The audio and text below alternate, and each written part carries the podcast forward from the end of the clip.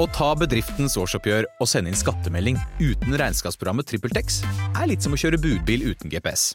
Du får nok levert, til slutt, men ikke uten å rote rundt og bruke masse tid.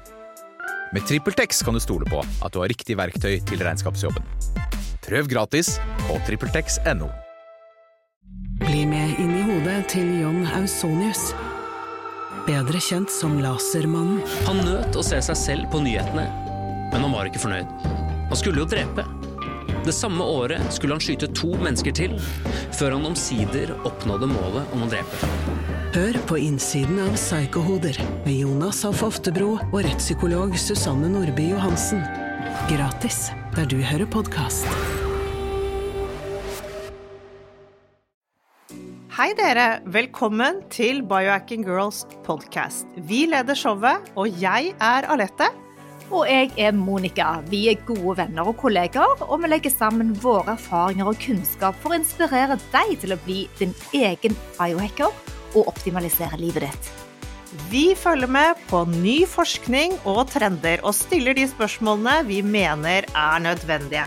Ja, vi deler informasjon om biohacking, life coaching og fitness, og vi håper at du vil føle deg inspirert og klar til å ta et tak for å komme i den beste helsemessige form. Velkommen til Biohacking Girls podcast. Det er mange trender vi ser knyttet til hormoner om dagen. Det er nye apper der vi skal tracke menssyklusen vår, egen menopause og faste, som bl.a. doktor Mindy Pels jobber med. Vi skal omfavne syklusen vår. Vi skal elske kroppen og vie takknemlige tanker til kroppen vår. Lære opp gutta. Alt skal være lovt, og alt er normalt. Ja, metabolismen den skal forstås, og vi skal blø både i saunaen og i isbadet. Vi skal ta med oss hele bøtteballetten av hormoner både her og der. Det må vi nå. Nå er det så mange kvinnelige biohackere som har endret skuta. Her snakker vi Red Light Tex for underlivet, probiotikatester for underlivet, salviatester og apper for bedre mental helse. Men vi har sagt det før, og vi sier det igjen, at gutta de må òg på banen. For hva er all den kunnskapen verdt om ikke guttene skjønner bedre av det vi holder på med? De må utdannes, og de må bli med på hormonreisen vår. For du får det bedre, tro det eller ei, om de òg skjønner hva vi holder på med. Helt klart. Og heldigvis at vi er så mange kvinnelige biohackere nå. Vi er ikke lenger redde eller flaue over å snakke om menstruasjon og overgangsalder. Vi vil ikke lenger tie om hormonelle problemer. Vi vil fikse dem. Dagens gjest er spesialist i gynekologi og obstetrikk. Det er en spesialitet med omsorg for de kvinnelige kjønnsorganene. Hun jobber med kvinner i alle aldre, med kvinneplager, og er i dag spesialisert i kvinners plager rundt overgangsalder. Hun har skrevet en kjempefin bok om temaet som heter Hetetokter og kalde fakta. Velkommen til oss, Helene Enger. Det er så hyggelig å ha deg her. Tusen takk for at jeg får lov å komme. Og i dag skal vi snakke om overgangsalderen og litt til. Gjerne det. Ja, og dette er jo noe du har spesialisert i. Men før vi går inn på alle forklaringer og definisjoner, er det mulig eh, for folk å starte tidlig med hormonreisen sin? Altså lenge før overgangsalderen, og da tenker vi kanskje i 20-30-årene. Må man vente til man er 40, liksom? Jeg ville sagt at i 20-30-årene det er for tidlig å starte hormonreisen sin, fordi at Problemene kommer jo i overgangsalderen når vi begynner å lage for lite østrogener, og det er tidspunktet hvor man kan begynne. Og i gamle dager så sa man at man var i overgangsalderen ett år etter sin siste menstruasjon. Og det vi har forstått er jo at man kan ha plager, man kan ha hetetokter, rotete mens, blir trist og lei seg, får vondt i muskulatur og ledd allerede før fordi at hormonene begynner å bli mindre, men å begynne sånn veldig lang tid før hormonene begynner å flate ut, det lager helst blødningsproblemer, så det er ikke noe særlig å vinne på det. Så lenge eggstokkene klarer å lage hormoner, østrogen spesielt, da, så, så er vi safe. Og så når vi merker at vi begynner å få plager, da er tidspunktet kommet for å, å kanskje hjelpe kroppen grann. Men da refererer du nok til hormonterapi. Men jeg tenker òg litt på siden kvinner, og kvinner og jenter er naturlige biohackere, siden de hele tiden må faktisk følge syklusen din. De må pleie menstruasjonssmerter, og de må kanskje hvile litt mer, så får man cravings når man har mensen og sånne ting. Er det liksom andre ting man kan gjøre tidligere for å forstå, eller eller er man sånn, se på moren sin, hun kom tidlig i overgangsalderen, og da er man på en måte dømt til å uh, få den samme, kanskje tøffe, utfordrende reisen? Det er nesten litt vanskelig å svare på. Det er, det er nok mye genetikk. Vi minner om våre mødre, eh, som vi har arvet eh, 50% av genene våre ifra. Men det er klart at om man har en mor som har kommet i overgangsalderen til normalt tidspunkt. Vi er til dels like, men ikke sånn absolutt. Og har man vonde menstruasjoner, man, blir man trist og lei seg, har man PMS, så er det klart at å leve så godt som mulig med disse tilstandene, og eventuelt snakke med sin gynekolog og få hjelp for å ha et godt liv, eller legge til rette for et godt, liv, det er klart man kan gjøre det. Jeg misforsto deg litt, jeg trodde vi snakket om bare overgangsalder. Ja, eh, men det er jo det det leder til etter hvert. Men er det sånn at du ser noe sammenheng med mye menstruasjonssmerter og større konsekvenser med hetetokter og symptomer i overgangsalderen? Er det noe relasjon der? Jeg ville sagt heldigvis ikke. heldigvis ikke. Ja, så, så vonde menstruasjoner, det kan jo ha med det kan jo ha med mange forskjellige ting å gjøre, men det kan også ha med endometriose f.eks. å gjøre. Og da er det jo om å gjøre Har man vonde menser? Det skal man på en måte ikke ha. Så da er det det å prøve å, å Eller å behandle det rett og slett og blokke menstruasjonen, da. At man slipper å blø om det er vondt og ille. Og det er jo dit småjentene er på vei uansett, og vi lærer av våre pasienter. Så å slippe mensen når man har vonde menser og man ikke føler seg godt når man har menstruasjon, da prøver, man, da prøver vi å hjelpe så godt vi kan til å hoppe over mensen, i håp om at folk får en bedre livskvalitet. Men apropos dette med ja, unge piker og menstruasjon, så har vi lest nå at det er en sammenheng mellom når du starter å menstruere og når du kommer i overgangsalderen. Og så tenker jeg på nå er det jo så veldig mange som starter utrolig mye tidligere å menstruere enn det vi gjorde når eh, vi var unge. Eh, har dette noe sammenheng, eller er det bare tull? Har du sett noe til det? Det vet du kanskje ikke ennå, fordi disse jentene er jo ikke blitt kommet opp i overgangsalder. Nei, det har du for så vidt helt rett i. Eh, det som man faktisk har sett, er at overgangsalderen har faktisk blitt litt senere. Først så har man 52 år, og nå kan det virke som det er 53 år. Og det har nok med vår ernæringstilstand og sånt å gjøre, at vi er velernærte. Vi spiser ja, næringsrik mat, vi får i oss eh, nok vitaminer og sånn. Eh, og så heter det seg at vi er født med veldig mange egg som vi ikke Vi bruker ikke alle. Og så sier man at det er sånn 400-500 egg som en kvinne bruker i løpet av sitt fruktbare liv, og da er det nok mange som har sittet og regnet. Eh, når fikk jeg menstruasjon, og pluss 400 egg, og når kan jeg da regne med å gå inn i overgangsalderen? Men det er ikke en så absolutt vitenskap. Så, så egentlig så tenker jeg at overgangsalderen har forskjøvet seg lite grann, og det er ikke absolutt sånn at går man tidlig, får man tidlig menstruasjon, går man tidlig inn i overgangsalder. Det er det ikke noen ting som bekrefter med sikkerhet. Nei, men det var bra, for det er jo en stor overgang, dette med at eh, piker får tidligere menstruasjon nå i forhold til før. Det, er, det, må jo være kanskje toksiner og sånne ting som vi får i oss som ikke vi fikk før. Men også en annen ting som eh, vi lurer på, er jo dette med hvis du har gått på da hormonell prevensjon hele livet, har det noe påvirkning på når du starter overgangsalder? Nei, der er det også noen som lurer på om de har spart eggene sine fordi at de har vært på p-pill i mange år, eh, men det, man gjør ikke det. Vi, ikke, vi, klarer ikke å spare egg. Så, så det, der blir det litt sånn som naturen har tenkt for akkurat deg og meg, liksom. At, at når tiden er inne, så, så er eggstokkene slitne. Og det som jo er veldig positivt i dag, det er at vi får gjort noe med det. Og det skal vi glede oss veldig over. Ja, det skal vi komme tilbake til. Men først så lurer jeg på hvor mange egg har en kvinne egentlig? Vi blir født med oh, jeg tror det er mange millioner eh, som, som, foster, og så idet vi fødes, så er det noe åh, disse tallene kan jeg ikke helt absolutt, men, men, veldig mange flere enn vi har. Jeg tror vi snakker 100 000.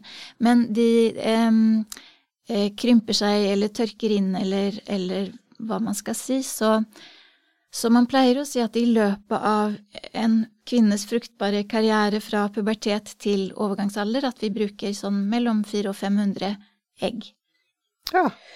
Det, det, vi har lest boken, begge to har lest boken. Det er en veldig nyttig og informativ bok, så den anbefaler vi alle som lytter til å få tak i. For det Virkelig.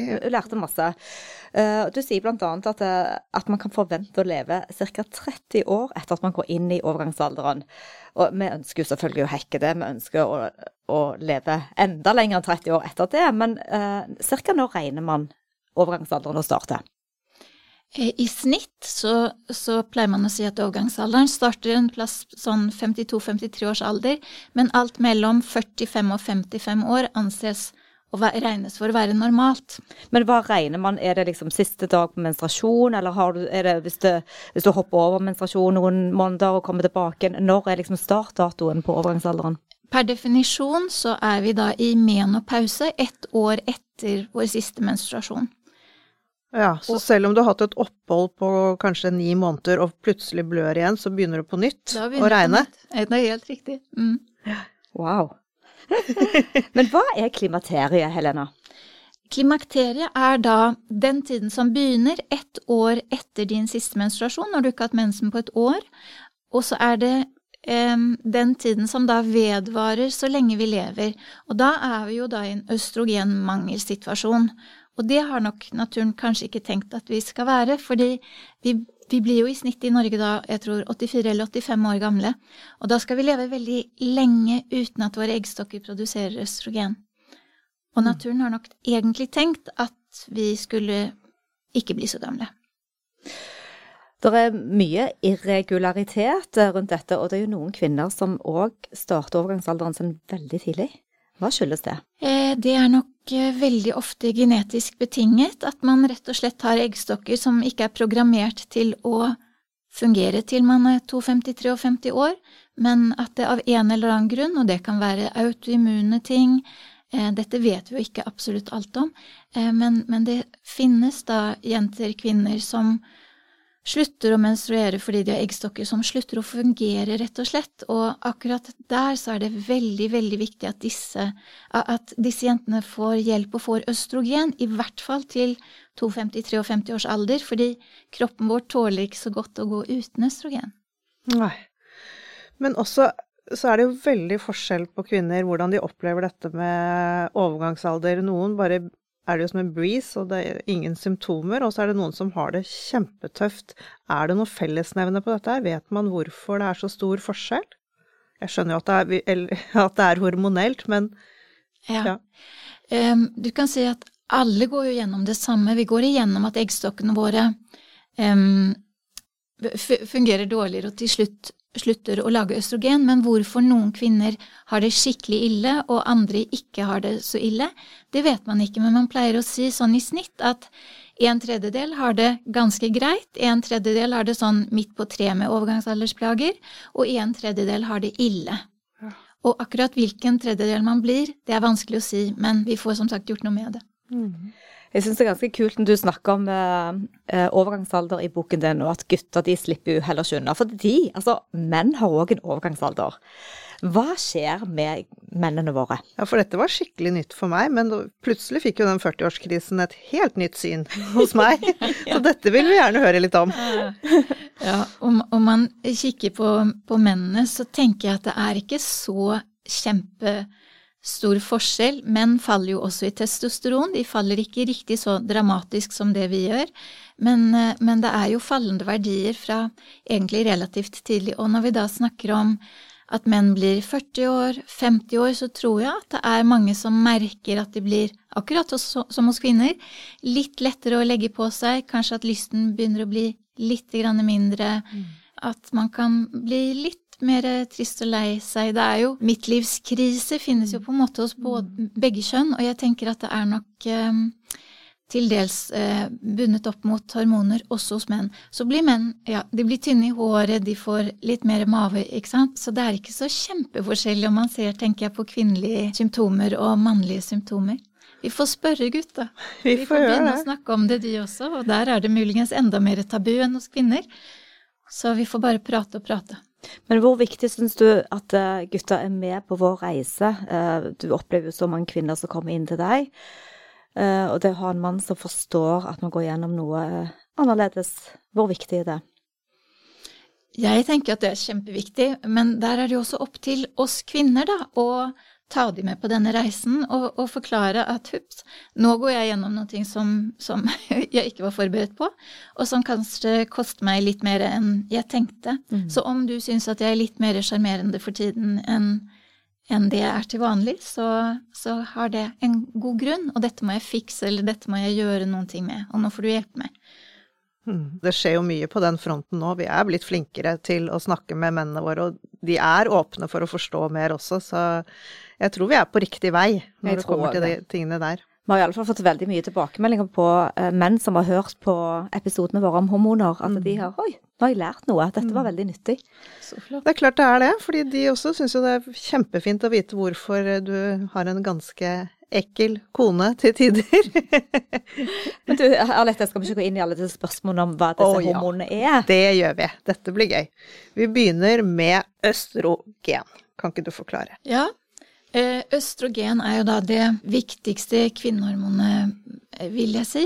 Det er det som gjør at vi er jenter. Guttene har jo mer testosteron enn vi har, og vi har mer østrogen enn det de har. Det er sånn kroppen på en måte bestemmer om vi blir gutter eller jenter. Ja, og fra vi går inn i puberteten, så får vi på en måte en ganske høy stigning i østrogen. Og når vi da går si, ut av puberteten, når vi går inn i overgangsalderen, så får vi et tilsvarende fall i østrogen. Mm. Og vi er jo sykliske vesener, da, så naturen har laget kvinnen på den måten at vi får en eggløsning en gang i måneden, og det er jo da for at naturen har et ønske om at vi skal kunne bli gravide en gang i måneden, og derfor er vi sykliske, og det kan jo hos noen være en utfordring at det er litt vanskelig med disse svingende hormonene, for det er jo da ikke bare østrogen som svinger. Nei, det er det alle. Hva med testosteronet? Ja, testosteronet er litt jevnere. Mm. Vi har en del testosteron, til tross for at det da er det mannlige kjønnshormonet, men eh, det er litt jevnere hos kvinner. Vi har nok mest når vi er kanskje rundt sånn 24, da har vi mest østrogen også. Og så synker testosteronet litt sånn langsomt og over tid. Mm. Både hos kvinner og menn. Mm. Men eh, kan du forklare hvordan eh, testosteronet flytter seg til binyrene når vi kommer i menopause, da, eller i overgangsalderen? Ja, det er våre eggstokker som lager testosteron, og når eggstokkene da i overgangsalderen slutter å lage østrogen, så pleier man å si at de lager testosteron opptil fem år til, og det er grunnen for at man har vært tilbakeholden og sagt at om man må operere en kvinne kanskje fordi at hun har en forstørret livmor, så har man i gamle dager blitt spurt om man vil fjerne eggstokkene også, om du kanskje snart kommer i overgangsalderen uansett, men der har man blitt uh, mer tilbakeholdne fordi at man har forstått at det er en, en testosteronproduksjon i våre eggstokker også, så der er man ikke like rask. Det man gjør i dag, uh, det er om man skal opereres rundt 50 års alder, at man kanskje fjerner egglederne, fordi at man har forstått at en del sykdom kommer av at våre eggledere blir syke. Jo, og eh, kanskje jeg skal si det også, at når eggstokken da etter hvert eh, slutter å lage testosteron, så er den andre plassen i kroppen vår som lager testosteron, binyrene, binyrbarken. Og når eggstokkene da ikke lenger produserer testosteron, så har vi da en liten testosteronproduksjon i binyreparken. Ja, så den er betraktelig mindre, men den er eksisterende? Det er helt riktig. Og da med tilskudd av testosteronkrem, du er jo eh, for eh, hormonbehandling, som skal komme tilbake til òg, mm. da vil den kanskje vedlikeholde nivåene bedre? Ja. Mm. Selv om det er da produsert i binyrene? Yes. Mm. Fantastisk. Og så har vi progesteron, fordi dette henger veldig godt sammen. Kan ikke du forklare hvorfor vi eventuelt trenger alle tre? Mm. Eh, progesteron er det hormonet som passer på vår livmors slimhinne, fordi at østrogen, som jo da forbereder menstruasjonsslimhinnen på å ta imot et egg, om vi tenker på hvordan vi er laget, der får vi på en måte én eh, sjanse per måned å bli gravide, og om vi da ikke blir gravide, så må kroppen klargjøres for neste måned og neste eggløsning, og da øker progesteronen sånn at vi blør ut vår livmorslimhinne. Så progesteron passer på hvor livmorslimhinne for at den ikke skal vokse og vokse og vokse og bli tykkere og tykkere, for at det over tid kan føre til celleforandringer. Så den tykkere slimhinnen som gjør at eh, man oppdager celleforandring. For det, det, er et annet poeng du har i boken der, at man skal se etter tynne slimhinner. Og det er noe du da undersøker kvinner for ved en gynekologisk undersøkelse? Mm. Vi er jo så heldige som gynekologer at vi har um, ultralydapparat som hjelper oss å se hvordan kvinner ser ut inni som et ultralydapparat. Så kan vi se på livmorens form og størrelse, vi kan se på eggstokkene, vi kan se på menstruasjonsslimhinnen eller livmorslimhinnen. Og hos en kvinne i overgangsalderen så skal menstruasjonsslimhinnen, når man da ikke lenger har menstruasjoner, være slank, altså tynn, ja. Og om den er for tykket, så kan det være et misforhold, en mismatch, mellom hormonene. Så det passer vi litt på å følge med på. Og blir slimhinnen altfor tykk, så kan man da få mellomblødninger og kraftige menstruasjonsblødninger og sånn. Det er ofte i fasen før eggstokkene da slutter å lage alle disse hormonene som de lager. Dette er altså utdannende for oss alle, og vi og dere som lytter på der hjemme og hører nå på Helena Enger, det er så viktig at vi forstår hva som skjer i kroppene våre. At vi ikke bare lar det gå, gå til legen og leave it up to them, at vi faktisk tar handlingene i hendene våre. Ja, det er kjempeviktig, og ikke bare det, men at vi også gjør noe hvis vi har problemer. At vi ikke bare zip it og sitter der, men at vi faktisk kan få mindre plager i overgangsalderen, er jo bare helt fantastisk. Men det er ikke sikkert vi vet eller kan kjenne at slimhinnene er tykkere eller tynnere. Det er Nei. ikke noe man kan føle. Nei. Du, du, kan merke, får du småblødninger, og spesielt da i den fasen hvor eggstokkene strever litt, om menstruasjonen begynner å bli uregelmessig, så er det jo noen som opplever menstruasjonsrot, rett og slett. At mensen kommer litt sjeldnere eller for ofte, at den blir litt kraftig eller ja. Så det er en pekepinn på, på hvordan den menstruasjonsslimhinnen og da i På en måte hvordan eggstokkene våre funker, og blir et problem, så får man hjelp.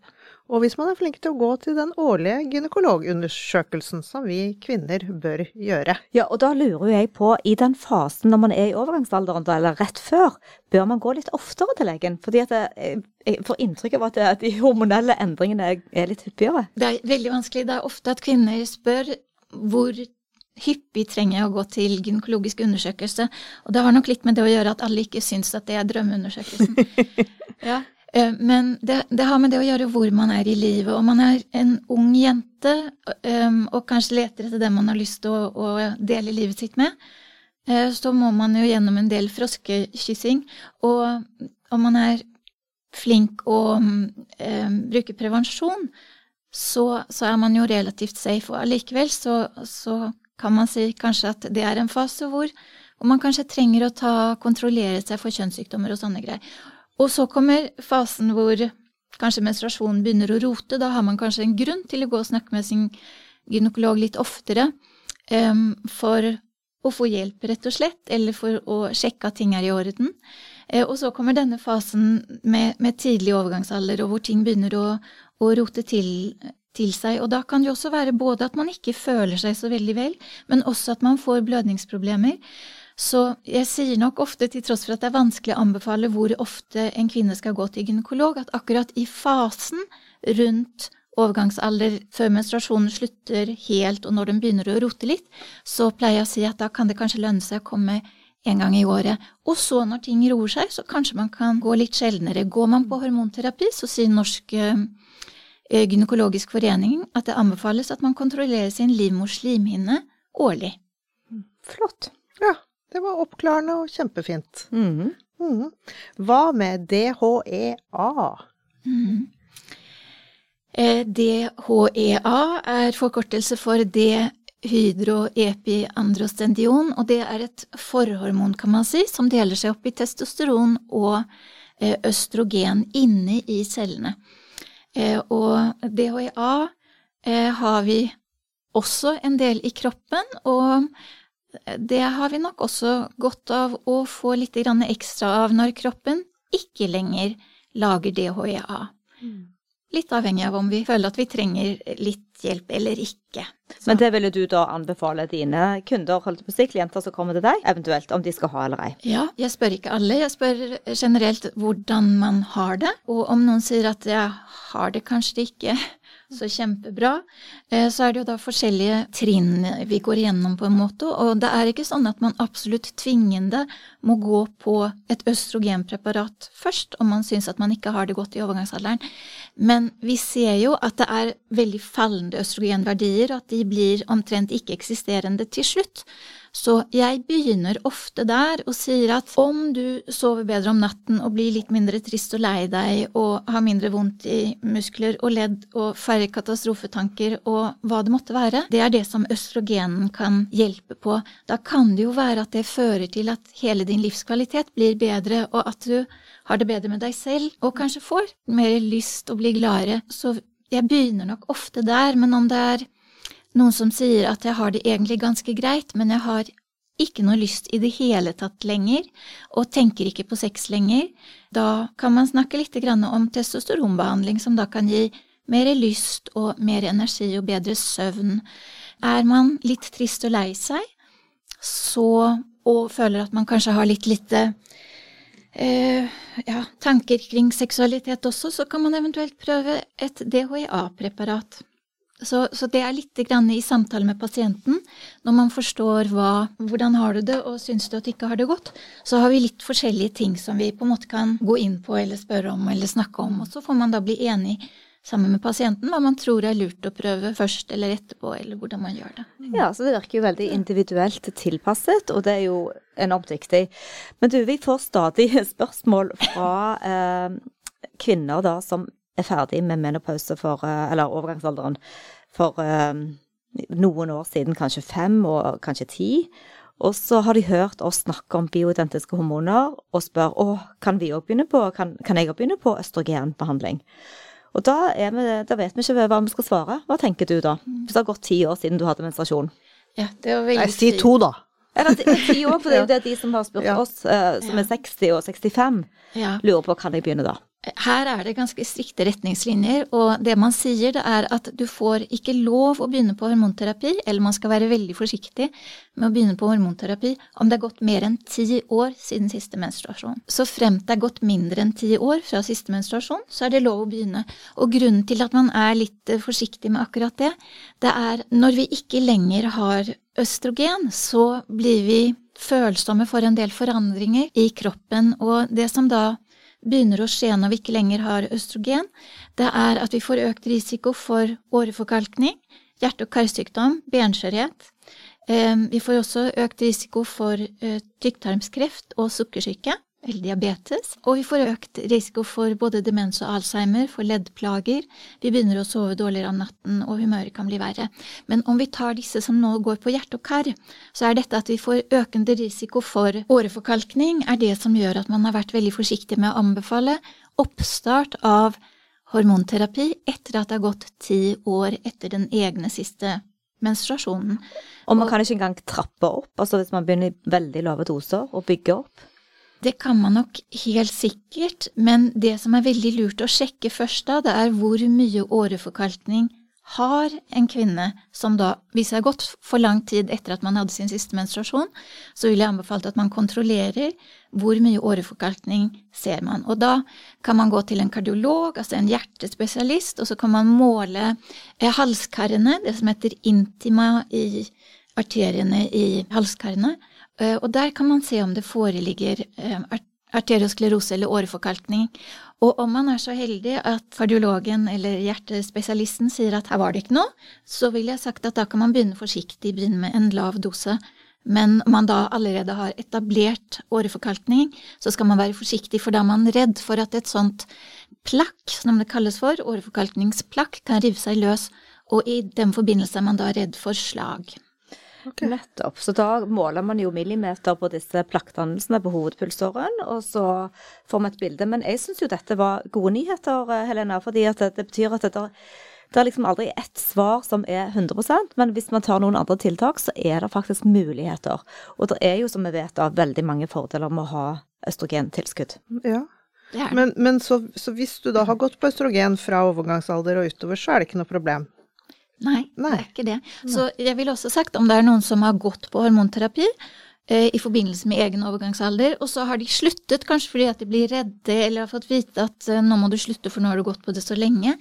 Om man da har vært uten hormonterapi da, i kanskje bare ja, i mindre enn ti år, så er man egentlig safe med tanke på åreforkalkningsrisikoen, fordi så lenge du har østrogen, så får du beskyttelse mot åreforkalkning. Men her er vi litt forsiktige, så her bør man snakke med noen som driver en del med, med overgangsalder. Selvsagt. Det sier seg selv at man må passe på selv. Du, Hvordan er disse hormonene knyttet til sentralnervesystemet vårt? Du har jo snakket litt om humør og ja, hvordan det påvirker eh, de ulike nivåene eh, i forhold til psyken vår. Og, men hvordan, når man får tilskudd, kommer ting i balanse? Ja, jeg vil påstå det hos de aller fleste. Og det som er vanskelig med hormon og hjernen vår og psyken vår og sånne greier, det er jo at det er så forskjellig fra person til person. Man kan være trist og lei seg av andre grunner enn østrogenmangel. Og når det er sagt, så mener jo jeg at både depresjon og en del sånne tunge um, psykiske plager som man har, at det sannsynligvis er mangel på stoffer som går mellom nervene og oppi hjernen vår. Men vi vet ikke nok om, om, hjernen. Det er så veldig, veldig masse som vi ikke vet. Så det man må passe seg litt for, det er å tro at østrogen er et sånn vidundermiddel som hjelper på absolutt alt. Men om man får forandringer i forbindelse med overgangsalderen, så er det mye som taler for at man kanskje kan få det litt bedre med østrogen. Men vi har jo masse forskjellige stoffer oppi hjernen vår, og nå er ikke jeg spesialist på absolutt alt som skjer i hjernen vår mellom nervene, men det er helt klart at det er mange av hormonene som har påvirkning på vår hjerne. Absolutt. Mm. Men du som da lege, ser du at de fleste trenger østrogen, eller er det noen som klarer å produsere dette selv? Det er etter at eggstokkene på en måte slutter å produsere østrogen, så er det ingen som klarer å lage eget østrogen. Det er det ikke, så da må man på en måte få østrogen utifra. Men det er jo dette her hvor plaget er jeg av min østrogenmangel? Og da har jeg jo veldig mange pasienter som sier at jeg føler at jeg ikke har det helt godt, og så har jeg noen som lurer på om de kanskje ikke har det helt godt. Og det vi ofte gjør da, det er at vi sier at du kan jo prøve, kanskje i en tre måneders periode, og så kan du se hvordan du syns at du har det. Og disse pasientene har vi da til en kontroll hvor de blir spurt hvordan har de siste tre månedene vært, hva syns du, hvordan syns du at du har hatt det? Og da må jeg jo si at jeg ser allerede langt nede i gangen, når pasienten kommer mot meg, så ser jeg at de smiler på en annen måte enn det de gjorde sist. Og det er den de absolutt aller fleste som sier at dette var godt for meg, jeg føler at jeg falt litt mer på plass. Litt mindre Litt, litt, unnskyld, litt mer meg selv, og, og, litt mindre kanskje trist og lei meg. Og når det går om hormonforandringer um, i kroppen, så er jo alt som på en måte forandrer seg lite grann over tid, det er litt vanskelig å oppdage, så det er ikke sjeldent at noen sier at jeg merket ikke helt at jeg ikke var meg selv, jeg merket nok at det var noe, men ikke riktig hva, og nå følte jeg at jeg ble litt mer meg selv etter at jeg fikk mm. prøve mm. hormonterapi. Og så må det sies også at jeg har også pasienter som sier, det er ikke veldig mange da, men det er noen, som sier mine foreldre var spreke som lopper og ble over 90 år gamle, og jeg er frisk og, og har det rimelig greit, og jeg klarer ikke helt å se at jeg skal bruke hormonterapi, for jeg føler meg så veldig frisk, så jeg har ikke ønske om å bruke hormonterapi. Men i eh. den forbindelse, er det noen nedside i hormonterapi for noen? Ja, eh, du kan si hormonterapi. Vi er jo blitt hjernevasket, ville jeg sagt, siden 2002 om at hormonterapi er farlig. Men det kom, det var en studie som kom i 2002 som het Women Health Initiative, og der feiltolket de resultatene fordi at der ga man kvinner opp til 80 års alder hormonterapi. Og det var da man fikk hos de kvinnene som da var over 60 år, eller mellom 60 og 80, så så man at det var en økt risiko for um, slag og blodpropp og um, brystkreft. Og nå er det jo sånn at brystkreft er den hyppigste kvinnekreftformen, uh, og med økende alder så har vi en økt risiko. Men de kunne ha sett på den samme studiet allerede i 2002 at de yngste kvinnene hadde ikke økt dødelighet av brystkreft, og hadde heller ikke økt dødelighet av noen annen kreft. Men det gikk på en måte litt under. Så hormonterapi er en god helsefremmende behandling. Og det er veldig interessant den på side 115 i boken din, da, hva kvinner er mest redd for å dø av, og hva kvinner faktisk dør av. Ja. Det er jo uh, Redselen går på brystkreft, og det er hele 39% mens det de faktisk dør av, er da hjertesykdom, og det var 45% Så man blir jo redd for det man hører, da, ikke sant. Så du, eh, vi må jo òg snakke litt om medisin generelt, fordi at eh, vi da, eh, Biohacking Girls, vi er jo opptatt av, av å finne det bakenforliggende alltid når det gjelder sykdom, og helst unngå sykdom. Men du jobber jo med bioidentiske hormoner, som da er mer naturlig i forhold til syntetiske hormoner. Kan du forklare forskjellen på det? Ja, altså vi lager i våre eggstokker så lager vi da østrogen, og vi lager progesteron. Og det er de to preparatene som man trenger om man har en livmor. Så er det det man trenger i forbindelse med overgangsalder. Og så får man se om man trenger litt testosteron og kanskje DHA i tillegg. Men det man har prøvd av legemiddelfirmaene, det er jo å lage østrogenpreparater og gestagenpreparater, som er et sånt overbegrep for progesteron-lignende preparater. Og gestagener, da kan man tenke seg litt som frukt. Om vi tenker at progesteron er jordbær, så er gestagener da et stoff som prøver å etterligne progesteron eller jordbær så godt som mulig. Eh, Og det man har sett, da, det er at syntetiske gestagener, eller syntetiske progesteron-lignende preparater, har faktisk en litt høyere brystkreftrisiko enn det progesteronet som vi lager i våre egne eggstokker. Eh, Så om man bruker det som da kalles for bioidentisk progesteron, eller mikronisert progesteron, så har det en mindre kjertelvevsirriterende effekt på vårt brystkjertelvev. Og det er av interesse når vi snakker om risiko for brystkreft, som jo alltid blir nevnt i forbindelse med hormonterapi. Og om man da går på bioidentisk progesteron, eller mikronisert progesteron, så er det en vesentlig lavere brystkreftrisiko enn om man går på syntetiske gestagener. Og det er grunnen til at jeg er opptatt av bioidentiske hormoner. Og det er kanskje òg litt mer kostbart. Er det lett å få tak i? Det er ikke vanskelig å få tak i, og det er dessverre kostbart. Så det koster tre måneders behandling cirka, ja, det er litt over 600 kroner. Så bare sånn at det er sagt, eh, all hormonterapi virker helsefremmende, også om man bruker syntetiske gestagener. Det er viktig å vite. Eh, Og om man da går på bioidentisk progesteron, så er det i studier ikke påvist økt brystkreftrisiko de første fem til åtte årene av behandling. Eh, Og det er noen ting som de internasjonale store eh, forbundene International Menopause Society eller North American Menopause Society eller retningslinjer som heter Ni- NIS eller NICE, jeg vet ikke helt hvordan man uttaler det, det er alle enige om. Eh, Og da kan man redusere brystkreftrisikoen til 0,6 per 1000 kvinneår, sier man da. Så det er nok det som er snillest mot brystene våre. Vet du hvordan det blir formulert? Eh, Bioidentiske hormoner, hvordan blir det laget? Produsert? Eh, mm, Den mikroniserte progesteronen, der tror jeg det er JAMS som er grunn... Ja, altså som de lager selve preparatene ut ifra, da, uten at jeg vet 100 Og, ja, og jams er Jams er en, eh, en grønnsak.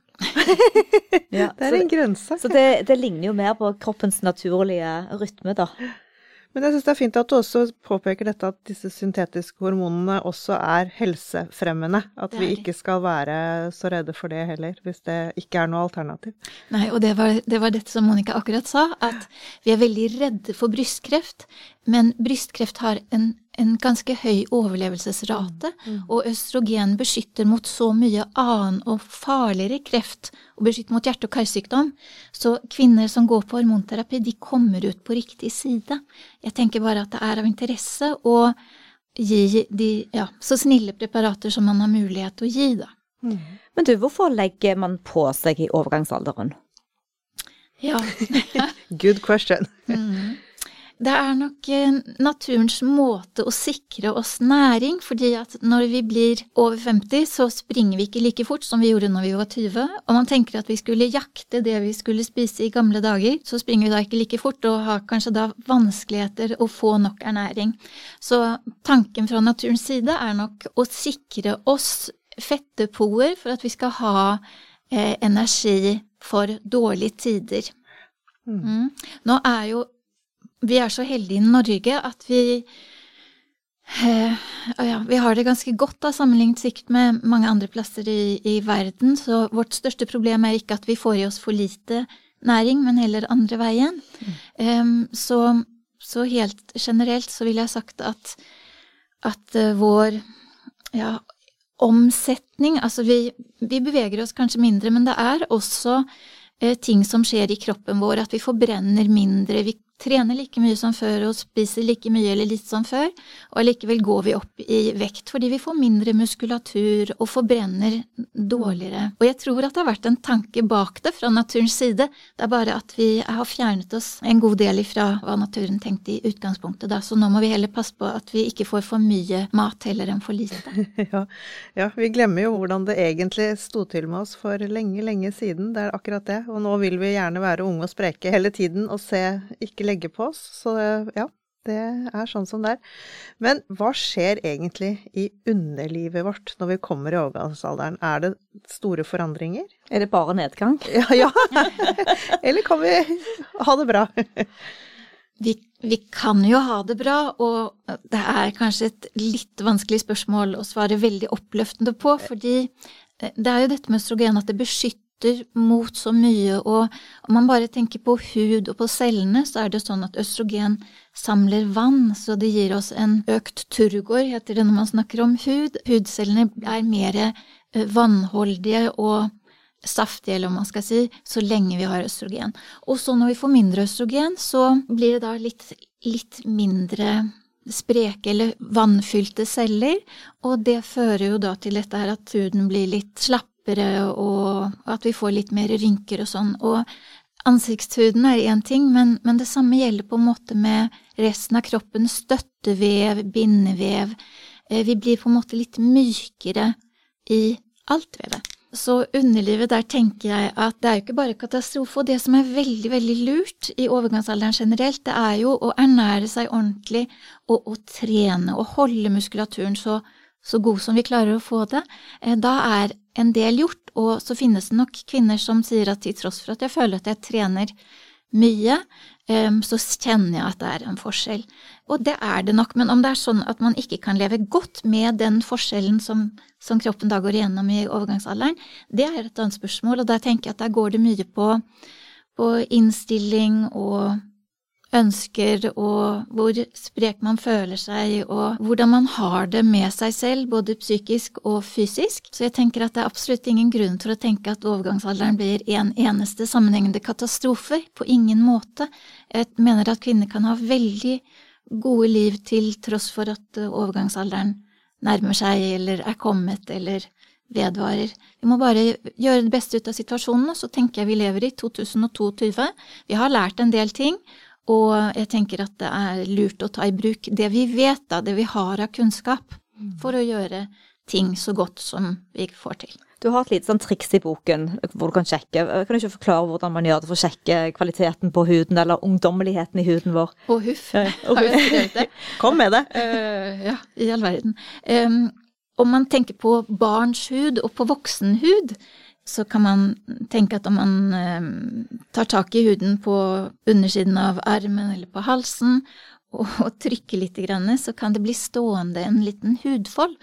Og så tar det litt tid før den på en måte går tilbake og huden senker seg igjen. Og det har jo med dette her å gjøre at vi har litt mindre væske eller vann i huden sammenlignet med, med det som vi hadde før når vi var litt yngre. Så det veldig mange kvinner merker i overgangsalderen, det er jo at at før så smurte man seg kanskje med lotion og sånn fordi at man ville lukte godt og fordi at det var litt deilig, og, og det blir kanskje mer aktuelt når vi blir eldre, fordi da taper huden um, både fett og væske, så det blir mer aktuelt å holde huden myk og smidig med lotion eller oljer eller ja.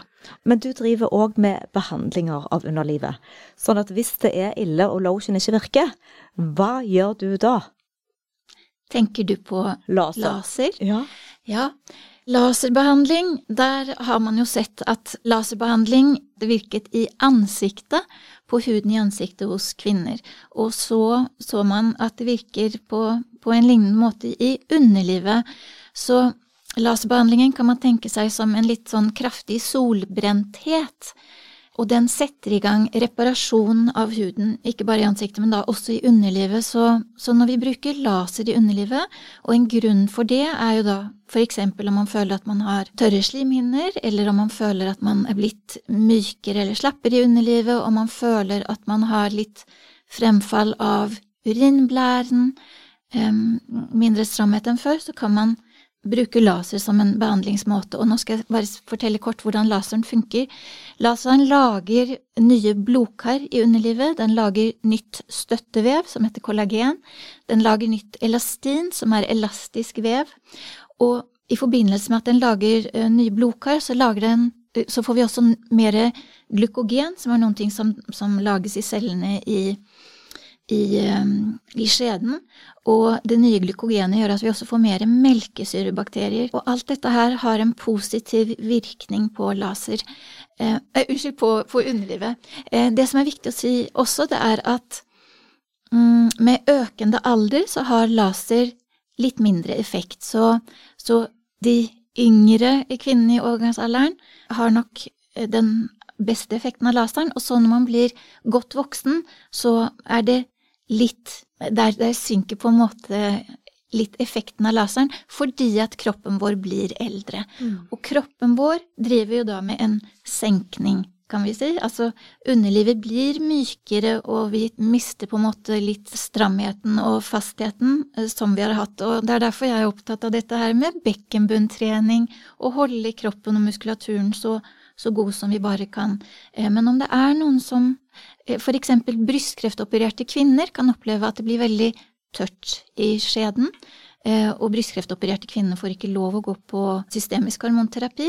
Eh, det heter seg det er lov å gå på ultralave østrogenpreparater som der finnes det forskjellig å ta av, men vi sier at det må klareres med brystkreftkirurgen, og brystkreftkirurgene har vært litt tilbakeholdende så langt, så litt avhengig av hva en kvinne ønsker eller ikke ønsker, og tør eller ikke tør, så har man da laser som en mulighet for å få fuktigere og mindre såre og ømme slimhinner i skjeden om man er brystkreftoperert og ikke tør eller får lov å bruke østrogen. Men jeg må bare høre om denne laseren. Høres jo vidunderlig ut, men mm. er det vondt?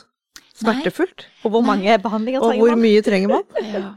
Um, laserbehandlingen er ikke vond, og det vi gjør, det er vi har en uh, beskyttende krem, altså en bedøvende krem, som er supereffektiv, og man blir veldig nummen, og ingen må være redd, det varer ikke evig, men det varer kanskje en, uh, ja, mellom to-fire timer, og selve laserbehandlingen, den er Eh, den er rask. Eh, det går ganske fort, så i løpet av jeg ville sagt mellom fem og ti minutter så er laserbehandlingen over. Og så er det sånn at i skjeden så har vi nerver i ytterste tredjedelen av skjeden, altså ut mot skjedeinngangen.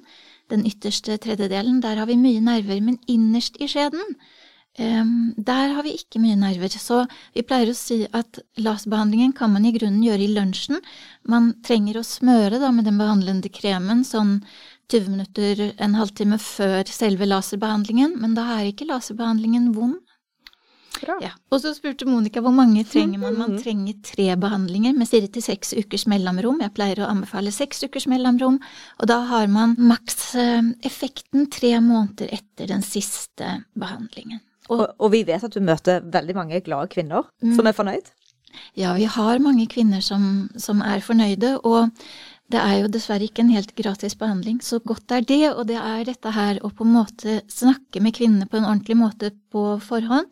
Hva kan man forvente, hva forventer vi av behandlingen, eller spesielt hva forventer kvinnene av behandlingen, og så informere godt nok, sånn at man ikke blir skuffet fordi at man trodde at man skulle bli 16 år i underlivet, og så kanskje man landet på 30. Ja.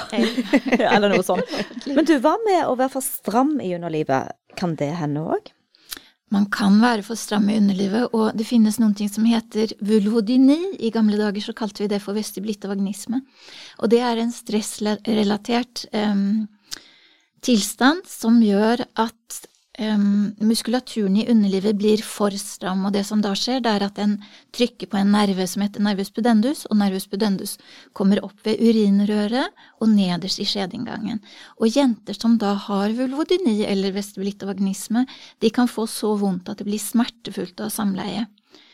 Og bare for å si det med en gang, det som er veldig viktig å vite, det er at også her er det behandling å få, og da er det bekkenbunntrening, eller osteopatbehandling, eller dette å stresse ned og forstå sammenhengen sånn at man kan ta tak i det, om det da er sånn som osteopatene gjør det, at man triggerpunktsmasserer muskulaturen, tøyer muskulaturen, passer på at leddflatene i hoftene står ordentlig mot hverandre, og driver med akupressur, altså presse mot den nerven som er i klem.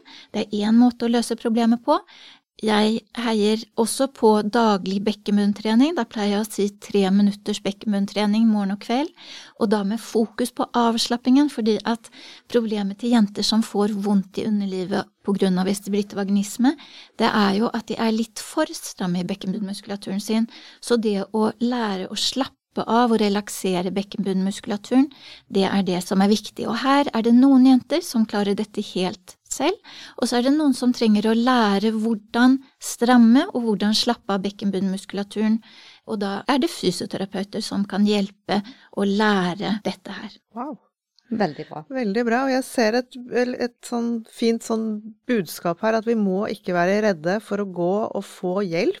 Når ja. noe er ikke kjennes Vi vet jo med en gang, og jeg, jeg føler at veldig mange er redde, men det Jeg syns Ja, vi må rett og slett ja, vi, har, ja, vi har et par spørsmål til, fordi at mm. eh, vi har jo begge to er ja, du ville si en Får jeg lov å si ja. en ting til bare om vestibulittvaginisme? Og det er Jeg er veldig takknemlig for at du stilte spørsmålet, fordi det er mange jenter som sliter med dette her. Eh, og det føles ut som Vestibulitt og vagnisme føles ut ved samleie. Vi kaller det for penetrasjonssmerte. Det å føre penis inn, det er det verste, sier jentene. Eller kvinnene, for dette kan man ha både når man er 18 og når man er 60, oh, ja. eller enda eldre. Det kan man ha alltid. Um, så sier jentene også det å føre penis inn, det er vondt, men er han først inne, så går det seg litt til. Men etter samleie så føler jeg at jeg kan gå og føle meg i hoven og svi, og det er, det er vondt og ubehagelig i, i alt fra timer til lenger. Og veldig mange jenter kommer og sier at jeg har følelse av at det er noe galt med min utflod. Jeg har følelse av at jeg har urinveisinfeksjon og sopp hele tiden, og det er veldig lett å misforstå. Dette for urinveisinfeksjon og sopp, så om det kommer jenter som sier at jeg har fått så mange soppbehandlinger og så mange behandlinger mot urinveisinfeksjon, men jeg føler jeg aldri blir bedre, da bør man tenke over om det kan være vestibulitt og vagnisme, og så er det nok en diagnose som ikke alle er like vant til å stille, så det som er lurt da, det er å, å kikke litt på nettet og så finne noen som er flink på vestibulitt og vagnisme, og gå og så få en diagnose. For man får gjort noen ting med det, det er bare at man må identifisere problemet og skjønne at det ikke var sopp eller urinveisinfeksjon. Um, så her er det mange, mange jenter som, som enda ikke vet riktig hvorfor de går og er plaget. Så tusen takk for at du stilte det spørsmålet. Og, og takk til deg, for det er jo du som belyser det i boken, så, så det er veldig viktig, eh, all den kunnskapen man kan få. Men helt klart at hvis man går rundt og tror man har uh, urinveisinfeksjon ja. og med ørtenbehandlinger ingenting blir bedre, så, så det er en god tanke. Veldig. Og en annen ting som eh, Vi er jo litt opptatt av knipeteknikk. Vi er fitnessinstruktører, vi driver treningsstudio, og vi har trampolineklasser. Vi har sånn minitrampoline. Og veldig ofte, og i mange år, så sier kvinner nei, jeg kan ikke hoppe på trampoline, for da tisser jeg på meg.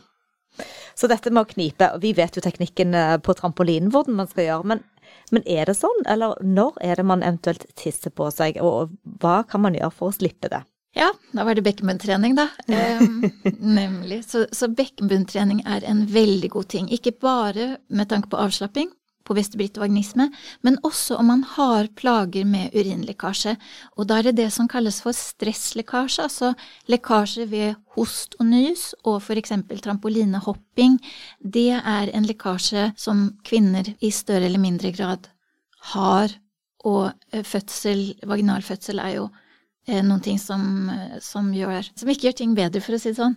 Så her er det bekkenbunntrening som er veldig viktig, og her går det jo litt på styrke, så, så, dette både å klare å knipe, men også å klare å slappe av muskulaturen, eh, det er viktig. Eh, trampolinehopping er jo da eh, hva, hva, sier man? Det, det, er på en måte det man gjør på sykehuset. Om en kvinne kommer og sier at eh, jeg lekker urin når jeg hoster og nyser og ler, og så får man det ikke helt frem på disse urodynamiske undersøkelsene som man gjør, da lar man en kvinne hoppe trampoline, fordi jeg ville sagt der lekker omtrent alle. Og det er interessant, fordi hos oss så lekker folk mindre når de begynner med trampolinetrening, fordi at vi har en teknikk. Og det er at eh, når man legger vekten på hælene når man hopper Det er ikke sånn hopping som man gjør i hagen med barna sine. Dette er en minitrampoline som er ment til å trene. NASA har brukt det, og det jobber da med core-muskulaturen. Men når du løfter tærne litt fra skoene dine og vekter deg ned på hælene, så klarer du på en måte å styre den mekanismen. Men hvis vi lener oss frampå, sånn som man ofte gjør i hagen, da, at man har en foroverlent overkropp, da vil du kjenne litt mer at du har lyst til å tisse på deg. Forstår hva jeg sier? Jeg, jeg forstår hva du sier, og jeg er bare superimponert. Så jeg tenker dette er det mange, mange kvinner som i så fall vil ha veldig godt av. Så da må dere spre det glade budskap. Du skal komme og prøve en klasse hos oss, Helena, ja. så skal du se hvordan det funker. det får jeg gjøre. Ja. ja. Hva skjer med underlivet hos menn? Kan vi gå, gå der? Ja. Lider de òg, lite grann?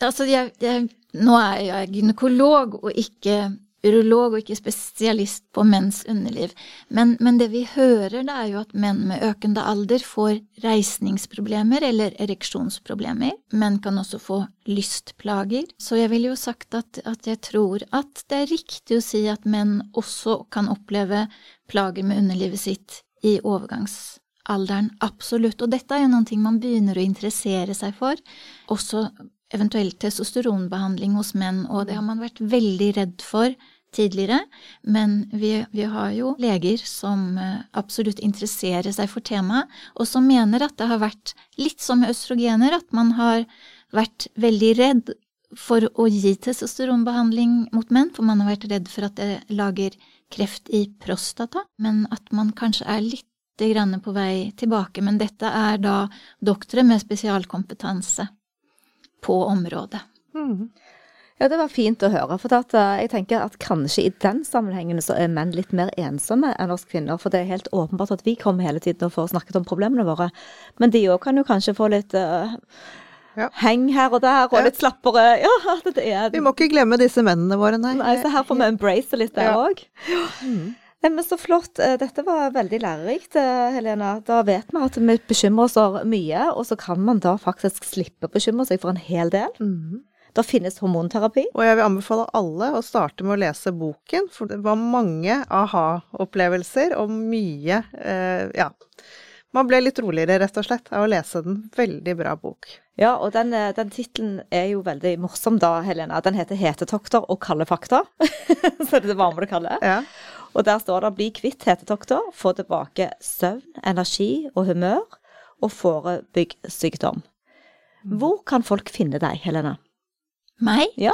Eh, jeg arbeider på Volvat på Majorstuen, og der har jeg vært i 17 år nå. Eh, det er en veldig hyggelig plass å, å, være på. Vi har skjønne pasienter, så det er en glede å gå på jobb hver morgen.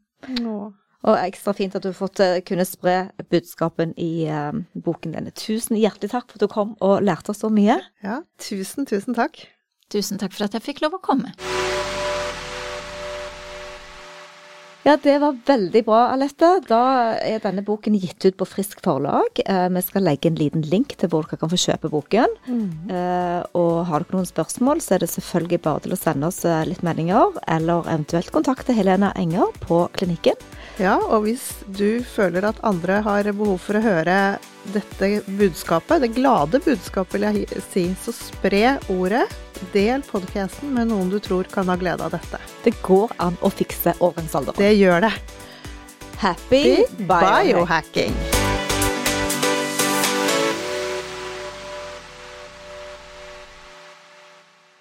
Vi minner om at dere må snakke med egen lege eller kostholdsveileder om dietter og andre spørsmål relatert til medisiner og supplementer. Informasjon vi deler, kan ikke bli brukt til å diagnostisere, behandle, forebygge eller kurere noen sykdommer eller tilstander.